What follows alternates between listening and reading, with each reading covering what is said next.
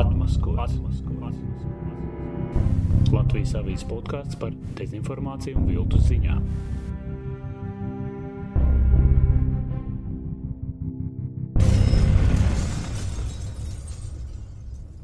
Labdien! Septītā atmaskots epizode. Šoreiz kopā ar žurnālistu izdevumu mājas viesus galvenās redaktors vietnieku Girtu Kasparānu. Labdien! Sveiks, Girt! Runāsim par noderīgiem idiotiem. Izklausās gandrīz pēc slamāšanās, bet, nu, patiesībā tas ir tāds gandrīz zinātnisks termins. Vai katrā ziņā viņi izmanto. Te bija raksts par noderīgiem idiotiem. Jā, tas bija vairāk tieši Latvijas kontekstā, ko mēs Latvijā varētu šobrīd eh, saukt šādā terminā. Tas termins, protams, ir senāks. Daži viņi tur Ļeņinam ir piedēvējuši, ka Ļeņins tādu ir ieviesis, bet, nu, ir pētnieki secinājuši, ka Ļeņina pašā darbos tāds it kā nav. Bet, nu, šis termins tika diezgan plaši augstā kara laikmetā izmantots attiecībā uz rietumos dzīvojušu attieksmi pret PSRS, kur bija ne tikai, bija, protams, arī komunistiskās partijas, kas stingri aizstāvēja šo PSRS režīmu, bet bija arī cilvēki, kas it kā nebija komunisti, bet viņiem bija kaut kāds tāds idealizēts priekšstats par padomu savienību. Viņi tā kā ticēja tai fasādē, ko, protams, padomu savienība sludināja, vienlīdzība, brālība, mēs te par mieru pasaulē, un tad viņi tā kā visu šo propagandu arī izplatīja rietumos, un tādā izpratnē viņi bija priekš Maskavas noderīgi idioti. Wikipēdijā pat šķirklis latviski par to, Jā. ko tas nozīmē. Tur skaidrojums. Politiskā žargonā noderīgais idiots ir nievājošs apzīmējums cilvēkam, kurš propagandē ideju, nesaprotot tās mērķi, un tādējādi ļaus ir ciniski izmantot šīs idejas patiesajiem īstenotājiem. Nu, tātad, no tā mēs varam izdarīt secinājumu, ka var arī būt nu, citiem režīmiem šādi idioti, ne Jā, tikai, protams. ne tikai PSRS, bet eh, tas idiots apzīmē to, ka viņš pats nesaprot, ko viņš dara. Jā. Kā, bet nu, bieži jau šie cilvēki varbūt arī saprot. Nē, un nu, varbūt tie- tur ir citi jau ir motīvi. Atkal, tas tie varbūt īsti, nu, tos nevar šajā kategorijā ievilkt, jo viņi skaidri e, apzinās, ko viņi dara. Viņi varbūt ir pat arī citu valstu pēcdienestu aģenti, un viņiem ir skaidra misija, ko viņi darīt. Bet, protams, tas ne jau tikai tas attiecas kaut kādiem Krievijas aģentiem, tikpat labi šie cilvēki, ko mēs uzskatām par noderīgu idiotiem, viņi atkal uzskata, ka tie cilvēki, kas Latvijā, teiksim, kaut kādas rietumu vērtības propagandē, viņam jau tas ir apgrieztā. Viņi uzskata, ka, lūk, tur kaut kāds nu, tas pats Soros, un ka te ir pilns ar Soros tīkliem un aģentiem, un ka lūk, šie cilvēki varbūt viņu izpratnē ir noderīgi idioti. Bet kaut kā tomēr iegājies, kad ar Krieviju padomu savienību, Nu jā, un tātad protams. mantojumā arī Jā, ar Krieviju tas, tas tiek tas saistīts. galvenais. Es, piemēram, nesen skatījos uh, Homeland, tāds seriāls, un uh, tur arī nu, bija stāsts par Krievijas spiegiem. Jā. Un tad tur bija uh, arī amerikāņi, tur spēcdienesti veido kaut kādas schēmas un, un saliek, kurš, kurš ir kādā pozīcijā, un tad tur ir uh, UI, viens useful idiots. Un uh, tad, acīm redzot, tur arī tie, kas nesaprata, ka viņi tiek izmantoti. Tad, tad, nu, arī, bet arī attiecībā pret Krievijas spiegiem, nevis pret nu, tā plašāk. Parunāsim, cik tas mūsdienās ir aktuāli,āk vēlāk. Pirms tam neliela atkāpe. Šis ir atmaskots. Laižam tālāk. Tagad ir liels uztraukums atkal par Covid-19 izplatību. Tā ir viena no galvenajām tēmām un, un par to, kā ar to spēs tik galā mūsu veselības sistēma, bet vienlaikus ir arī satraukums par tā saucamo infodēmiju. Mēs jau esam vairākās atmaskots epizodēs par to runājuši, vai tavuprāt šis satraukums ir pamatots. Jā, protams, jo, jo vairāk cilvēku uztver šīs viltus ziņas, dezinformāciju, jo viņi savu rīcību balsta uz to. Viņi piemēram, neval, nelieto maskas, viņi tur neievēro nekādus šos uh, mediķu speciālistu ieteikumus. Un, protams, viņi arī palielina risku, ka šī slimība izplatās, un tas jau atkal aiziet tā teikt, tāds apburtais lokus. Un jau pēc tam, un atkal valdība, teiksim, pieņem vēl kaut kādus stingrākus aizliegumus. Tas atkal nu, cilvēkiem, protams, viņi nevar strādāt, viņiem samazinās ienākumi, viņos atkal ir šīs dusmas, neapmierinātība, viņi atkal a- aktīvāk uztver šīs jūtu ziņas, un tā tas, diemžēl, tāds kā ka no kalna palaiž to sniega piku. Un... Valsts prezidents 21. oktobrī bija ievietojis sociālos tīklos īpašu aicinājumu. Mēs varam paklausīties, ko viņš saka. Godātie līdzcilvēki! Katru dienu saņemam milzumu daudz informācijas, veselu jūru. Bet te mums mirkli jāpiestāj un sev jāpajautā, vai informācijas avots un fakti ir ticami. Varbūt tos ir vērts pārbaudīt. Kritiski padomāsim, vai man ar šo konkrēto ziņu dalīties. Nepatiesa informācija ir kā baciļi. Tie izplatās un pamazām grauj sabiedrības imunitāti un veselību. Rīkosimies gudri un atbildīgi. Nu, ko prezidents ir teicis savu vārdu, bet kas no tā? Nu, es domāju, ka pats mēģinājums noteikti ir uh, vērtīgs un ka labi, ka viņš izplatīja šādu paziņojumu. Protams, jautājums par efektivitāti. Pirmkārt, cik cilvēkiem, kas kā, uztver šīs viltu ziņas, cik viņiem prezidents ir autoritāte, un viņi tomēr dzīvo tādā nedaudz citā pasaulē, kas ir skeptiski noskaņota pret valsts varu kopumā, protams, vairāk viņu tās dusmas šobrīd ir pret izpildu varu, kas pieņem tur konkrēts lēmums. Tur Kariņš, Viņķela, tie ir tie sliktie, kas nosaka visus šos ierobežojumus, uzliekot prasīt prezidents, varbūt nedaudz malā no tā viss stāv, jo viņš jau nepieņem šādus lēmumus, bet, protams, man tomēr ir šaubas, cik, cik ļoti šie cilvēki cik viņiem prezidents ir autoritāte. Protams, nu, tiem galēji marginālajiem, kas, kas ne, neklausās vispār neko, no valsts amatpersonu, uzskata viņus par kādiem ienaidniekiem un rietumu ielitaņiem. Tos, protams, nevar pārliecināt. Varbūt šis prezidenta aicinājums varētu tos nu, svārstīgos, kas tā kā, nu, varbūt tic, varbūt netic, Un tad, ja viņiem tomēr cilvēks, kam ir zināma autoritāte, tad varbūt viņam šo, šis paziņojums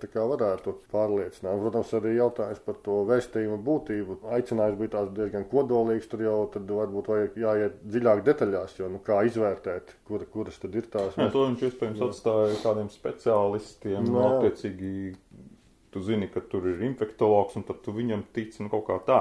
Bet, manuprāt, tas ir jautājums par tā sauktajiem burbuļiem. Nu, mūsdienās tāds pieņēmums, ka visi cilvēki dzīvo kaut kādos savos informācijas Jā. burbuļos, kuru lielā mērā viņi paši arī izveido, un tas atbilst viņu gaumēm, vajadzībām. Un tas jau patiesībā nav nekas jauns, jo nu, cilvēks jau arī, teiksim, skatoties televīziju, var uzslēgt vakarā Jā, to kanālu, kas viņam interesē, un skatīties tikai to. Un, un tādā veidā viņš arī sev veido burbuli, bet nu, tur vismaz ir kaut kādi veidotāji. Bet, Šajā gadījumā viņš, kad viņš sāk lietot sociālos tīklus, tur viņš vēl, vēl, vēl specifiskāk var iezīmēt šo savu, savu informācijas Jā. plūsmu, kas līdz viņam nonāk. Tad ir jautājums, vai šajā burbulī ir tas, ko, nu, kā tagad ir dažreiz tie, tiek teikts, pētījumos balstīta informācija, faktos balstīta informācija informācija, un, ja nav, tad iespējams tā ir apzināta izvēle. Nevis kā Jā. prezidents šajā gadījumā mēģina pasniegt, ka cilvēks vienkārši neapzinās, nu, viņš līdz tam nav aizdomājis, ka Jā. kāds viņu cenšas apmānīt, vai ka varbūt tā informācija nav pārbaudīta, kur viņš tālāk izplata, bet tā jau ir kaut kāda mērķtiecīga nu, vēlme. Jo tā jau tā pati burbuļa būtība, ka tā informācija cilvēks viņš burbulis viņam atskaņo to, ko viņš grib dzirdēt. Un, ja viņš grib dzirdēt, ka nevajag valkāt maskas, tad viņš, protams, eh, to, to informāciju tādu arī, ja viņa, viņš, ja teiks, viņam būtu kāda ziņa, tad, nezinu, maskas palīdz tiešām pasargāt, tad viņš to automātiski noraida. Tas viņa uztverē tās ir muļķības, kaut kāda dezinformācija, un ja tur kaut kāds, nezinu, no kurienes izvilkts, kaut kāds tur vai daļēji patiesa vai pilnīgi nepatiesa, kaut kāds apgalvojums, ka nē, viss kārtībā var nevalkāt tās maskas, tad viņš uzreiz to automātiski uztver kā patiesību. Un tas jau ne tikai Latvijā, mēs redzam, ka visa šī problēma jau arī citur pasaulē ir plaši izplatīta. Mēs, protams, teiksim, ASV šobrīd tur notiek, tur vēl ir tas politiskais komponents, ka tas daļai pārklājas visu šo Trumpa atbalstītāju loku, ka tur ir. Un tur arī daudzi, kas kā, ir par Trumpu tie atkal ir pret visiem šiem ierobežojumiem. Tas, ir, tas tieši tas var būt kaitīgi, un to varbūt arī politiķi pie tā vainīgi, ka viņi mēģina ideoloģizēt šos jautājumus. Jā. Šajā gadījumā, pieņemsim, Trumpa atbalstītāji ir muļķi, idioti, kas tur Jā. vēl, un tad viņi nelieto maskas. Viss šī paliek pārāk politizēta un, un, un gandrīz ideoloģiski esi spiests kaut kur meklēt šo izēju, lai, lai tu, teiksim, ja valkās maskas, ka tu nebūsi tur vienas puses atbalstīts, un atkal, ja tu kaut ko ne, nu, uzskatīsi, ka pārāk stingri ierobežojumi, ka tevi uzreiz nepieskaitīs kaut kādai citai kategorijai.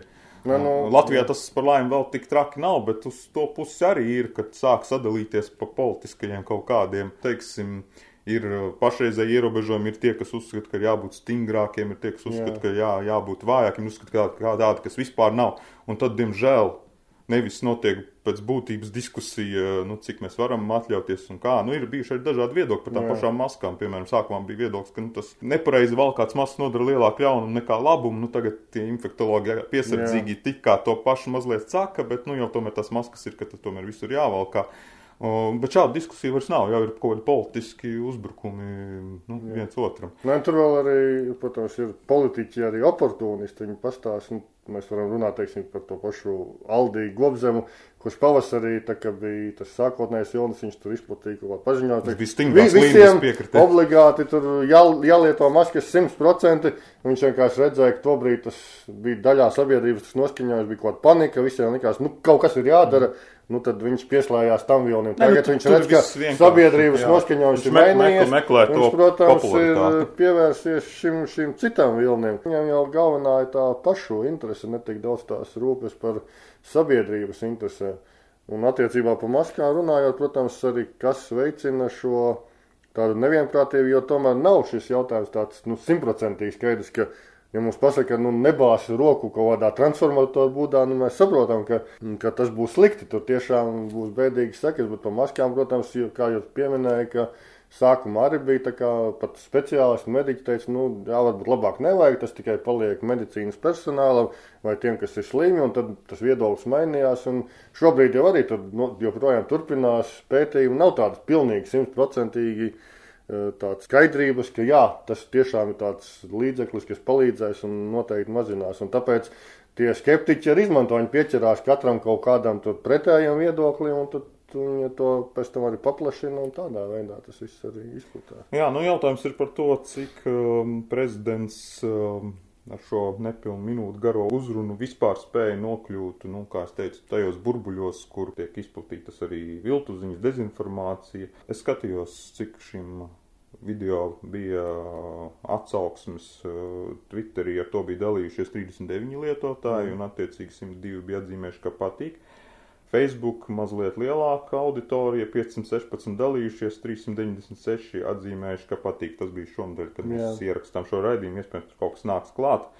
Uh, bet tas ir ļoti niecīgs skaits uz, uz Latvijas Nu, nu, iedzīvotāju kopējā ko mēs sagaidām no prezidenta. Kā zinās, prezidents tikko bija tādā nepatīkamā situācijā, nonācis ar visu šo atalgojumu jautājumu. Tur daudzi viņam pārmeta, ka, ka šajos krīzes apstākļos tiek palielināts atalgojums, un tad vispār rodas jautājums, nu kāda vispār ir tā prezidenta funkcija, jo daudz varbūt no viņa sagaida kaut kādu tādu rīcību, kas īsti nav viņa teikt, pienākumos. Viņš tomēr mūsu sistēmā ir vairāk tāds ceremoniāls postenis. Viņam ir jānosaka tās pamatlīnijas, bet viņš nepieņem lēmumus, kas ietekmē reāli cilvēku ikdienas dzīvi. Un tad no viņa mēs varbūt arī sagaidām šādus paziņojumus, kas sabiedrību virza noteiktā virzienā. Nē, nu, tas viss skaidrs. Šī diskusija bija Jā. jau tad, kad bija prezidenta vēlēšanas. Mēs sagaidām no viņa kaut kādu līderību. Jā.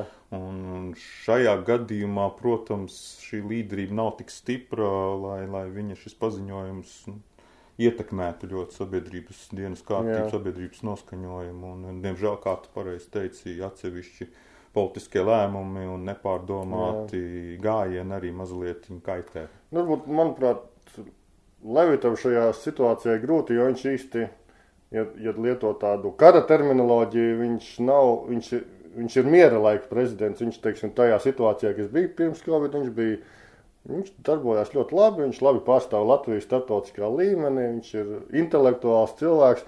Bet šobrīd tā situācija ir nedaudz cita. Nosacīt, runājot, tā ir tāda kara situācija, un viņš, manuprāt, tomēr īsti nav, viņš nejūtas. Viņš, protams, var pildīt savus pienākumus, bet viņš īsti tā, tā, tā nav viņa situācija, ka ir jānāk ar tādu zināmu apņēmīgiem soļiem, ko sabiedrība varbūt sagaidīt no viņa. Tāpēc viņi daudzi šobrīd kā nedaudz viņu kritizē, ka viņi kā kaut ko cer vai, vairāk neredz, no viņš viņa. jā. ir pārāk neuzkrīt. Jā, tad, un, protams, saku, varbūt šajā situācijā teiksim, tāds Raimons Vējonis, ko pirms tam daudzi kritizēja, viņš varbūt būtu sabiedrībai tuvāks, jo viņš bija kā, nu, vairāk tuvāks tādam ierindas cilvēkam, jo Levits ir nedaudz tāds. Viņš varbūt ierindas cilvēkam ir grūtāk ar viņu identificēties, viņš skaidri redzams, viņš ir nu, no tādas sabiedrības elites. Un Vējonis bija vairāk no tautas nācis, un viņam varbūt būtu bijis vieglāk uzrunāt tieši sabiedrību tādos ikdienas jautājumos. Man grūti iedomāties, kurš no mūsu līdzinējiem prezidentiem varētu būt tāds, kāds teica, kara laika vai krīzes laika prezidents, kurš tiešām spētu uzņemties.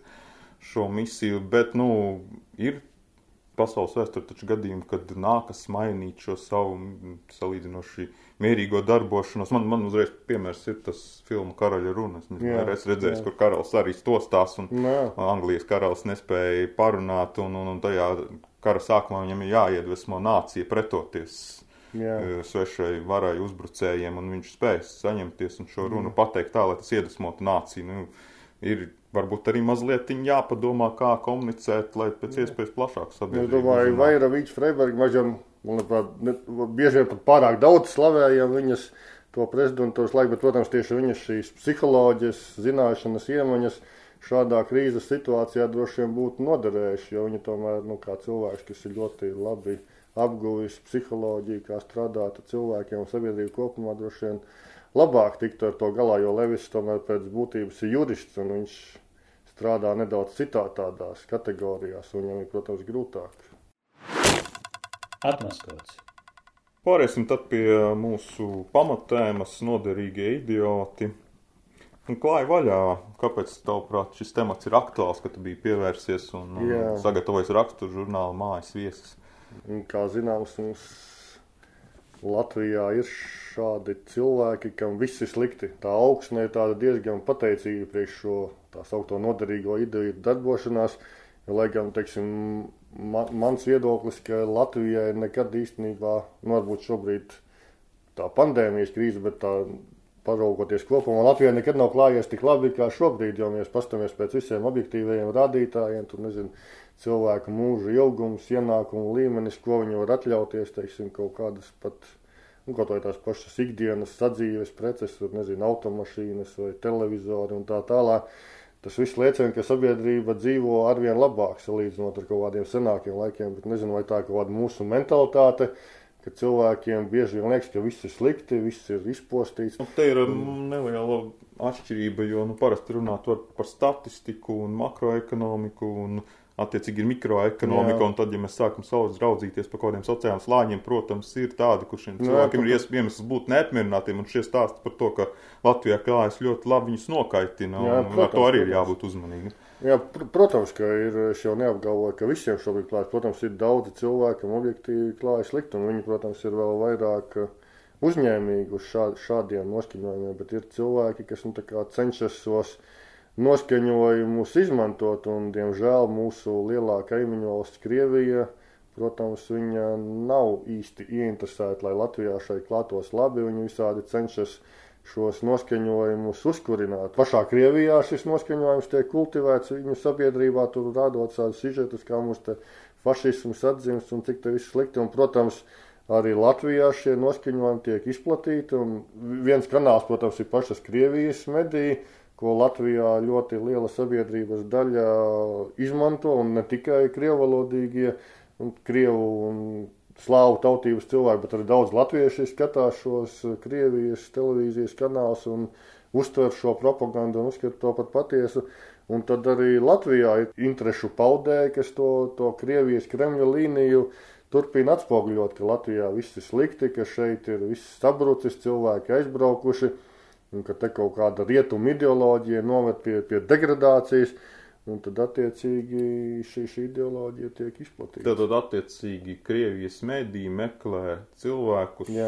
pēdiņās ekspertus, Jā. kas tiek pasniegti kā eksperti, kuri pateiks to vēstījumu, kas viņiem Jā, ir vajadzīgs. Mēs varam pastīties tādus Krievijas uh, avots, tas pats uh, Krievijas valdības finansētais Sputņiki, kas arī Latvijā darbojas, ko viņi izmanto kā cilvēkus, kas izsakās par Latvijas, tad viņi tiek nodēvēti par visādiem politologiem un kaut kādu mistisku nākotnes institūtu un tam līdzīgi vadītājiem, lai gan nu, tie ir Latvijas politikā stipri margināli cilvēki, kuriem Latvijā īsti nav autoritātes, bet Krievija viņus labprāt izmanto un uzsūc un ļauj viņiem izteikties.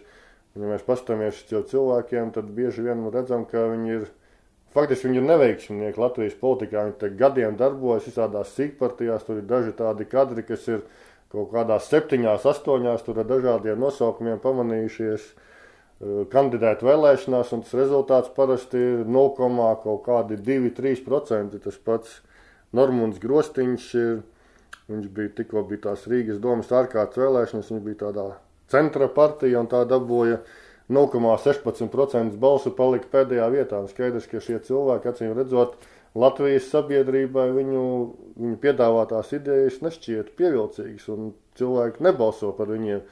Un tad viņi kaut kā meklē, viņiem ir ambīcijas, tomēr kaut kāds politisks, viņi kaut kā cer, ka, ka viņi gūs atsaucību sabiedrībā, un tad tas, viņi, tas ka Krievija viņus izmanto, viņai varbūt šķiet kaut kā pagodinoši. Varbūt viens sasaist ar iepriekšējo tēmu par infodēmiju un, un Covid-19. Un viens no tiem, kas bieži tiek pie vārda Krievijas mēdījos, jau pieminētajā Sputnikā, ir tāda nu, diezgan odioza personība, Vladimirs Lindermans. Mēs bieži Jā. viņu sakām nacionāli bolševiks, bet nu, viņam tur ir raiba, ļoti raiba pagātne. Uh, un nesen viņam bija tādi apgalvojumi, viņi tur ar Sputniku žurnālistu sprieda par dažādām tēmām, un tad nonāca līdz tam, ka Latvijā tikšos šķiroti pacienti. Uh, Un pēc uh, paša Lindermana teiktā, nu, tas jau nesot nekas neparasts katastrofas un krīzes medicīnā, bet, lūk, Latvijā varētu būt īpaša pieeja. Nu, paklausīsimies, kā viņš raksturo šo pieeju. Labi. Нацистские настроения, безусловно, существуют. И если вот возникнет вот эта волна, она там, ну, как бы захлестнет, и у людей там в мозгах все поплывет, то они, я думаю, что очень многие начнут реально настаивать на то, что в первую очередь надо лечить латышей. Латышей, граждан там и вообще. Вот тех самых, которые по, да, выстроить такую систему, еще латыши, потом граждане, допустим, не латыши, полукровки там да, где-то, да. да, да. Граждане Евросоюза. Да, потом, ну да, вот не граждане, потому что если тут живущие граждане России. Да, ну, это да. на самом нижнем. Да, да, это такой, ну это как мерить черепа, да, вот да, такой да, чисто да. нацистский принцип. Ну, вот пока такого, я думаю, что это, это не то, это не единичное мнение. Нет, ни в коем случае это мнение определенной среды. Но, естественно, там, ну, я думаю, что власти Латвии все-таки а, определенный такой, ну, разумный подход соблюдают. И пока что это можно считать поэтому ну, таким маргинальным мнением. Es iztulkošu Lindermanu teikto. Latvijā pastāv nacistiskās noskaņas, un, ja saslimstība ar covid-19 turpinās pieaugt, cilvēkiem smadzenes sagrozīsies. Daudz reāli pieprasīs, lai vispirms tiktu ārstēti latvieši, izveidos īpašu sistēmu. Vispirms būs pilsoņi, latvieši, jaukteņi, tad Eiropas Savienības pilsoņi, tad nepilsoņi un visbeidzot Krievijas pilsoņi, kas te dzīvo. Un tad Lindermans lieto tādu īpašu salīdzinājumu, viņš saka, nu tas ir kā galvas kausa mērīt, tas nacistu paņēmiens. Un, uh, viņš piebilst, ka tas nav atsevišķs viedoklis, ka tā ir tāda noteikta vide, bet nu, beigās izdara atrunu, ka valdošā vara pagaidām nu, turas pie saprātīgas pieejas un ka nu, šī, šī šķirošana būs tāds margināls paņēmiens. Kādi komentāri? Tas ir, protams, diezgan absurds apgalvojums, ka Lindermans saka, ka tas kaut kādās zināmās Latvijas aprindās, no es neesmu. Nu, Tad es nezinu, kur ir jāliek kaut kādos galēji nacistiskos, varbūt fórumos, varbūt tur, bet es pat šaubos, vai tur kaut kur no, šādos, tādi nacistiski nu, fórumi. Varbūt kaut kādos, varbūt viņi nav gluži vispār zināmi, varbūt kaut kādā šaurā lokā tur cilvēki izplata šādu ideoloģiju, bet tādā normālā sabiedrībā absolūti nekur ne no viena Latvijas politiķa vai cilvēkam būtu kāda ietekme uz lēmumu pieņemšanu, šādas idejas nav nekad izskanējušas, un neticu, ka kādreiz varētu izskanēt. Jo... Bet man liekas, ka Lindermans ir savā ziņā apguvis spēles noteikumus. Nu, mēs te jau dzirdējām fragmenta beigās, un tālāk viņš arī tur izdara vēl vairākas atrunas. Nu, viņam bijušas tiesu lietas, apsūdzības naida kurināšanā. Viņš ir veiksmīgi izgājis ārā no visas šī, šī stāsta. Uh, Un, un tā ja mēs varētu ar šo audio fragment mierīgi doties valsts drošības dienestu un teikt, paklausieties, kas te notiek. Cilvēks, cilvēks atklāti stāsta uh, naida runu, ka te Latvijā kāds taisās nacistis, nacistisku režīmu apmēram veidot. Uh, bet tur ir atkāpšanās visā ceļā. Tur tiek visu laiku tā, tas tāds viedoklis, ka kaut kur tas kaut kur dzirdēts, kaut ko viņš dzirdējis, viņa atsaucas uz kaut kādu uh, es nezinu, internetu komentāros atrastu kaut kur kaut kādu viedokli, kur it kā izskot kaut kāda Freiberga. Yeah. Tas te nav dzirdams, bet to viņi tā kā sāk, ka jā, Freiberga kaut kāda, esot kaut kur rakstījis, nu, zīmīt, protams, Freiberga, nu, jā. Jā, protams, ja mēs ņemtu pa pamatu internetu komentārus, mēs tur ne, ne, ne to vien varētu saklausīt. Gal galā viņi paši var uzrakstīt šādu komentāru un tad to apspriest. Nu, tas, tas tāds diezgan, diezgan, diezgan dīvains pie, piegājiens, ja tu gribi kaut ko nopietni, kaut ko šo sabiedrības noskaņojumu vērtēt. Un, un, un šī atruna beigās, ka nu, vispār jau valdība gan jau neko nedarīs tādu, un, un tas jau tikai tāds margināls viedoklis. Bet vienlaikus tie, kas klausīsies šo sarunu, viņi jau neatcerēsies šīs sīkās piezīmes, ka tas jau tāds margināls viedoklis. Tam viņi atcerēsies, ka tiešām Latvijā nacisti. Latvijā tātad ir tie, un tātad viņš būs izdarījis savu vēstu, aiznesis līdz šai auditorijai, bet vienlaikus viņš būs sevi pasargājis no kaut kādām iespējamām apsūdzībām. Jā, nu, tā, tā, tā diemžēl darbojas šie cilvēki. Un Lindermans, starp citu, nebūtu nav muļķis. Viņš ir gan uh, gudrs cilvēks, tikai nu, kaut kā tas viņa dzīves ceļš tā, tā ir nonācis. Viņš ir šādā šobrīd situācijā. Mēs atceramies, viņš jau bija atmodas laikā, viņš darbojās uh, laikraksta, Tautas frontes laikraksta atmodu Krievu redakcijā un bija par Latvijas neatkarību. Un... Jautājums vienīgi, nu, cik, cik liels Kremlim un, un šī šeit Krievijas propaganda ir iegūms no šādiem cilvēkiem. Uh, man viens piemērs ir, uh, bija tāds brits Grējams Philips. Viņš bija liels tāds Kremļa politikas atbalstītājs. 15, 14, 15 gadā viņš devās uz Ukrainas, Ukrainas austrumiem, veidoja tur Jā. video stāstīņus, publicēja internetā, un tur tika slavināta Krimas aneksija, Donbasa tie prokrievi, tie kaujinieki. Un 16. gadā viņš bija arī atbraucis uz Rīgu un paskandalējās 16. Jā. martā pie brīvības pieminekļa, mēģinot tur izjaukt leģionāru piemiņas gājienu un visādi izbļaustoties. Un pēc kā tika izraidīts no valsts. Un tolaik mums bija raksts par šiem notikumiem, nu, par, par to, kāpēc vispār šāds skandalos Jā. cilvēks bija jālaiž. Ja bija skaidrs, ka viņš te brauc ar mērķi sarīkot skandālu, bet toreiz mēs arī jautājām, uh, vienam grējam tautietim, žurnālistam, kurš bija seko līdzi, arī mazliet bija sekojis viņa aktivitātēm, mēs viņam tieši prasām, nu, vai šis cilvēks ir Kremļa noderīgais idiots, un tad bija tāda lakoniska atbilde, viņš nav noderīgais, viņš ir vienkārši idiots.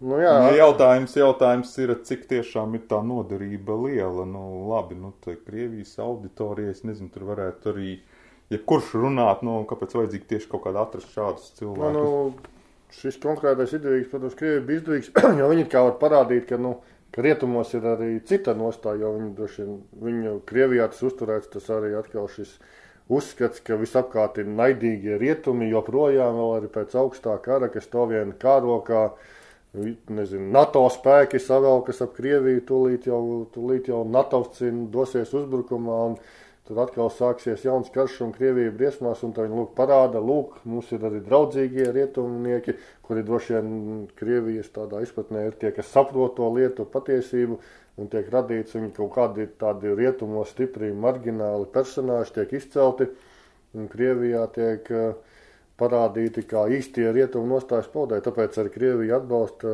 Eiropā daudzas šīs bieži vien, kas ir ideoloģiski labējās, kaut gan ir arī kreisās, tādas radikāli kreisās, visādi dažādas radikālās kustības, jo tas mērķis, protams, ir vājināt Eiropu, vājināt Eiropas Savienību, un visi šie spēki tad Krievijai ir izdevīgi tādā ziņā, bet nu, viņus īsti nesaukt par noderīgiem idiotiem, jo viņi bieži vien tur ir, ir arī kaut kāda naudas ķēde, kur acīm redzams, ka viņi tur saņem kaut kādus kredītus, no Krievijas un tur tiek aicināti teiksim, uz Krievijas vēlēšanām, kā novērotājiem. Gan jau es pieņemu, ka tas nenotiek gluži par skaistām acīm, kaut kādi labumi viņiem tiek par to uh, piedāvāti, un tad, tad tādā veidā Krievija šo savu ideoloģiju turpina izplatīt. Jā, bet nu, tomēr ir atšķirības starp Lepēnu un vēl kādu šādu, Jā. nu, tomēr Eiropas līmeņa politiķus par viņu uzskatiem var spriest, bet nu, tās personības Jā. arī Eiropas politikā un to pašu tos pieminēto grostiņu vai Rināru Graudiņu.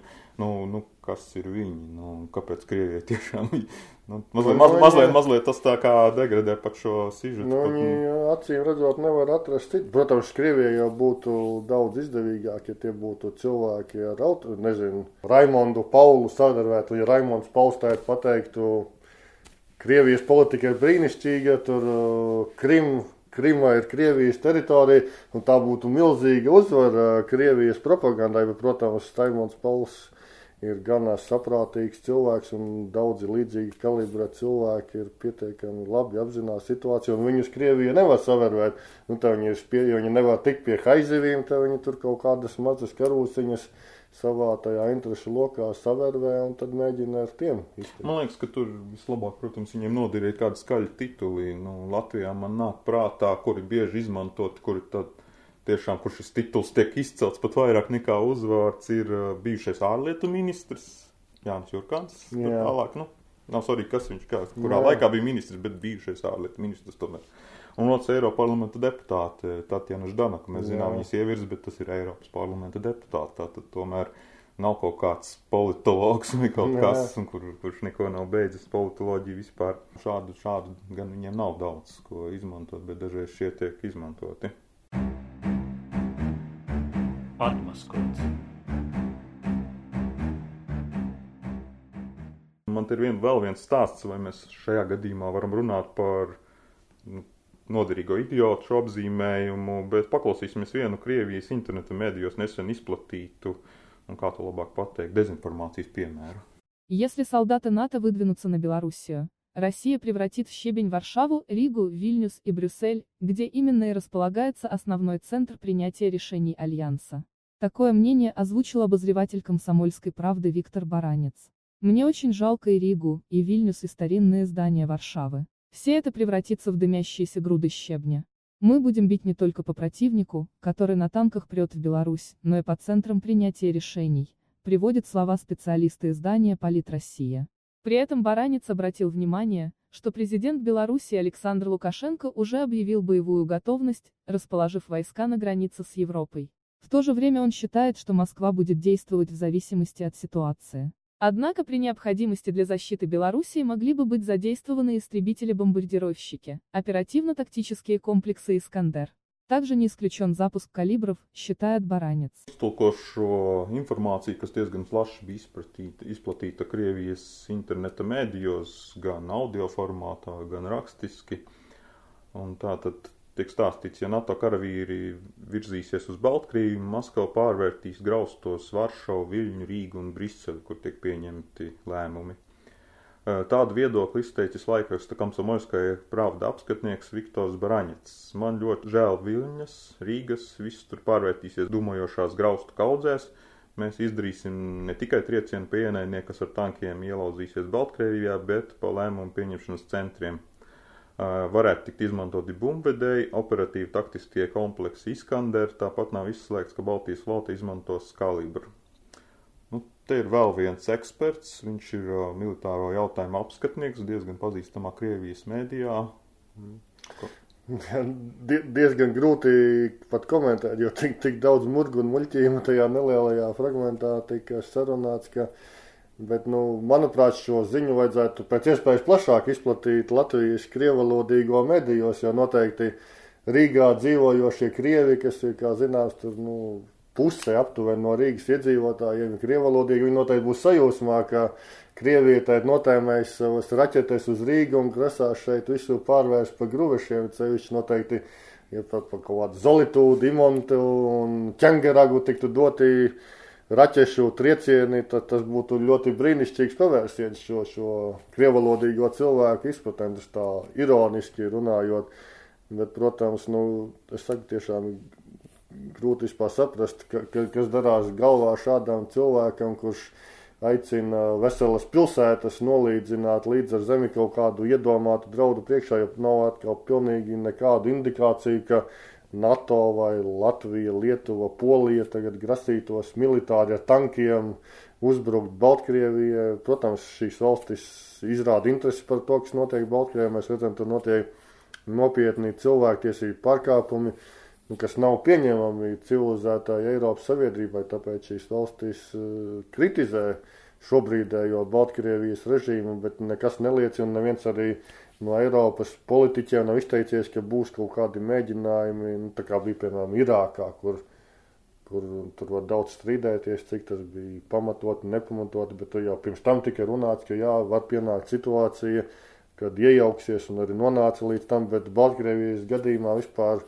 nav šāda indikācija. Vienīgā, kas par to runāja Krievija, kas tur varētu kaut kādā veidā iejaukties tieši ar kaut kādu militāro klātbūtni šajos procesos. Tāpēc tas ir kaut kāds atkal tiek kāds iedomu ienaidnieks radīts un noskaņota gan Krievijas, gan Baltkrievijas, gan attiecīgi pieminēto valstu sabiedrība pret NATO, kas it kā tiek uz, parādīts kā draudz, lai gan patiesībā nu, mēs redzam, tomēr tā agresija pēdējos gados ir vairāk no Krievijas nāks tieši tā Krievija, tā, kas militāri iejaucās citu valstu iekšējās lietās. Mēs redzam Ukrainā, kas joprojām notiek, tur Krievija atbalsta nu, faktiski turpinās dažādi konflikti un arī citvietu bijušās PSRS teritorijā. Man šis piemērs atgādina tādu manipulācijas skēmu, ko eksperti dažreiz dēvē putnu biedēklis, salmu vīrs. Nu, tas ir uh, ka tiek atspēkota nevis reālā situācija un fakti, nu, tad šajā gadījumā tu jau sāk pieminēt Krievijas agresīvā politika, vēlēšanu viltošanu un protestu vardarbību apsiešanu Baltkrievijā, cilvēktiesību pārkāpumu Baltkrievijā,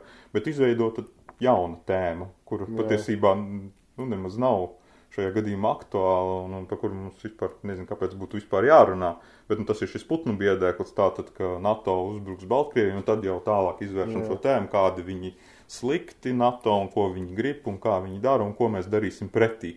Un tiek radīts pavisam cits stāsts nekā par tas, ko mēs esam sākuši nu, runāt. Vēl, vēl viens mērķis, protams, ir kaut kā pamasēt to pašas Krievijas ego, parādīt, cik viņi stipri. Un, jā, protams, mēs zinām, ka Krievija ir šāda. Nav jau tā, ka teiksim, Latvijai draudētu un nezinu, noslaucīt Ņujorku un Vašingtonu no zemes virsmas. Protams, skaidrs, ka mums nav tāda iespēja.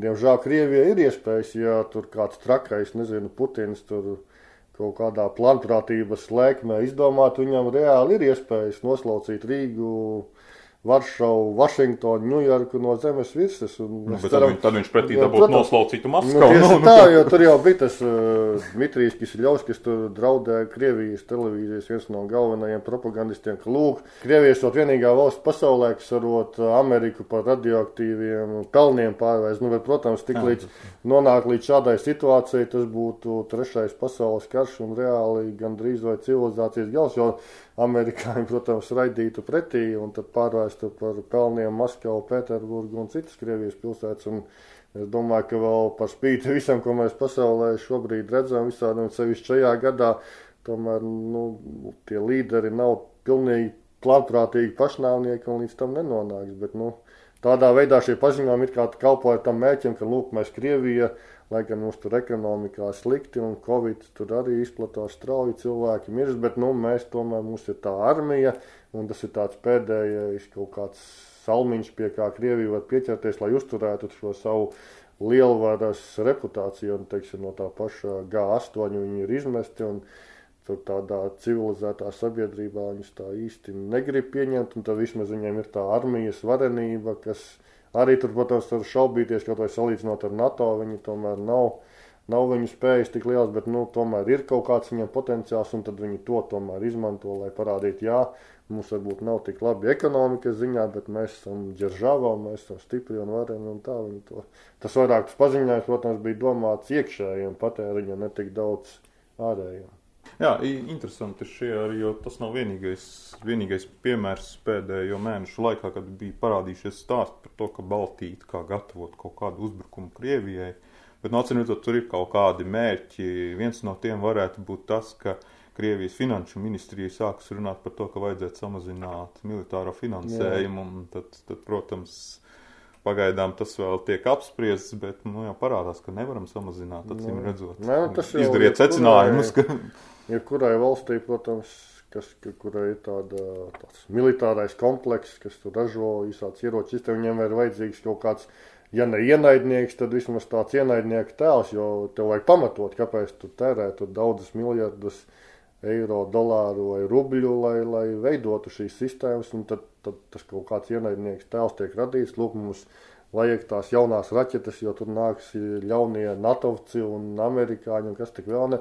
Un tāpēc mums ir jābruņojas. Tas ir pilnīgi saprotama, reāli, reāli politiska viņu rīcība, kāpēc viņi izplata šādu informāciju. Žurnālists Girts Kasparāns, paldies par sarunu. Jā, paldies. Tu esi atmaskots.